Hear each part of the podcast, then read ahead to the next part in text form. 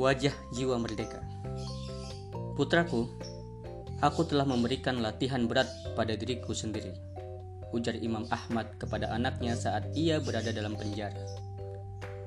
Saudaraku, sangat wajar bila kita merasa kasihan dan merasa prihatin ketika ada saudara terdekat di penjara, apalagi bila di penjara tanpa salah. Ya, penjara memang tidak mesti diisi mereka yang bersalah sebab sebagian isi tahanan ada dari mereka yang hanya tertuduh bersalah atau bahkan tersangka bersalah atau lebih-lebih hanya sekadar dituduhkan bersalah karena sebuah kebencian. Itulah yang juga dirasakan oleh putra dari Imam Ahmad.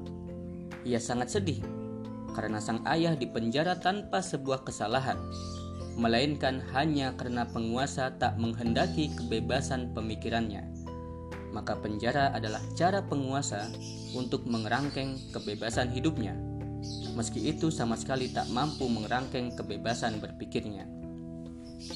Cermatilah jawaban Iman Ahmad untuk kegundahan putranya. Aku telah memberikan latihan berat pada diriku sendiri, ujar Imam Ahmad tenang. Jawaban itu mungkin saja untuk menenangkan kegundahan putranya.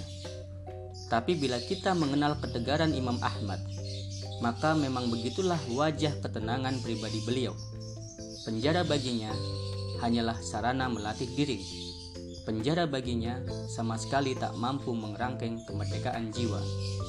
Saudaraku, ketegaran itulah wajah jiwa merdeka. Jiwa yang sadar ke mana langkah kehidupannya akan ditujukan.